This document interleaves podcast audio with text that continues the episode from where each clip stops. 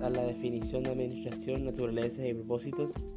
La palabra administración primeramente, ¿qué significa? ¿Qué es lo que a ustedes le viene a la cabeza cuando se habla de administración?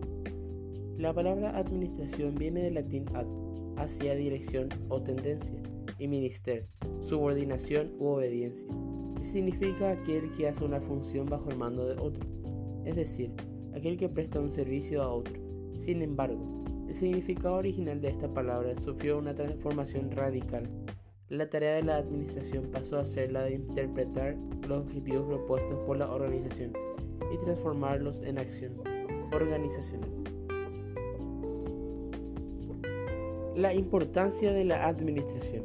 La administración se volvió fundamental en la conducción de la sociedad moderna.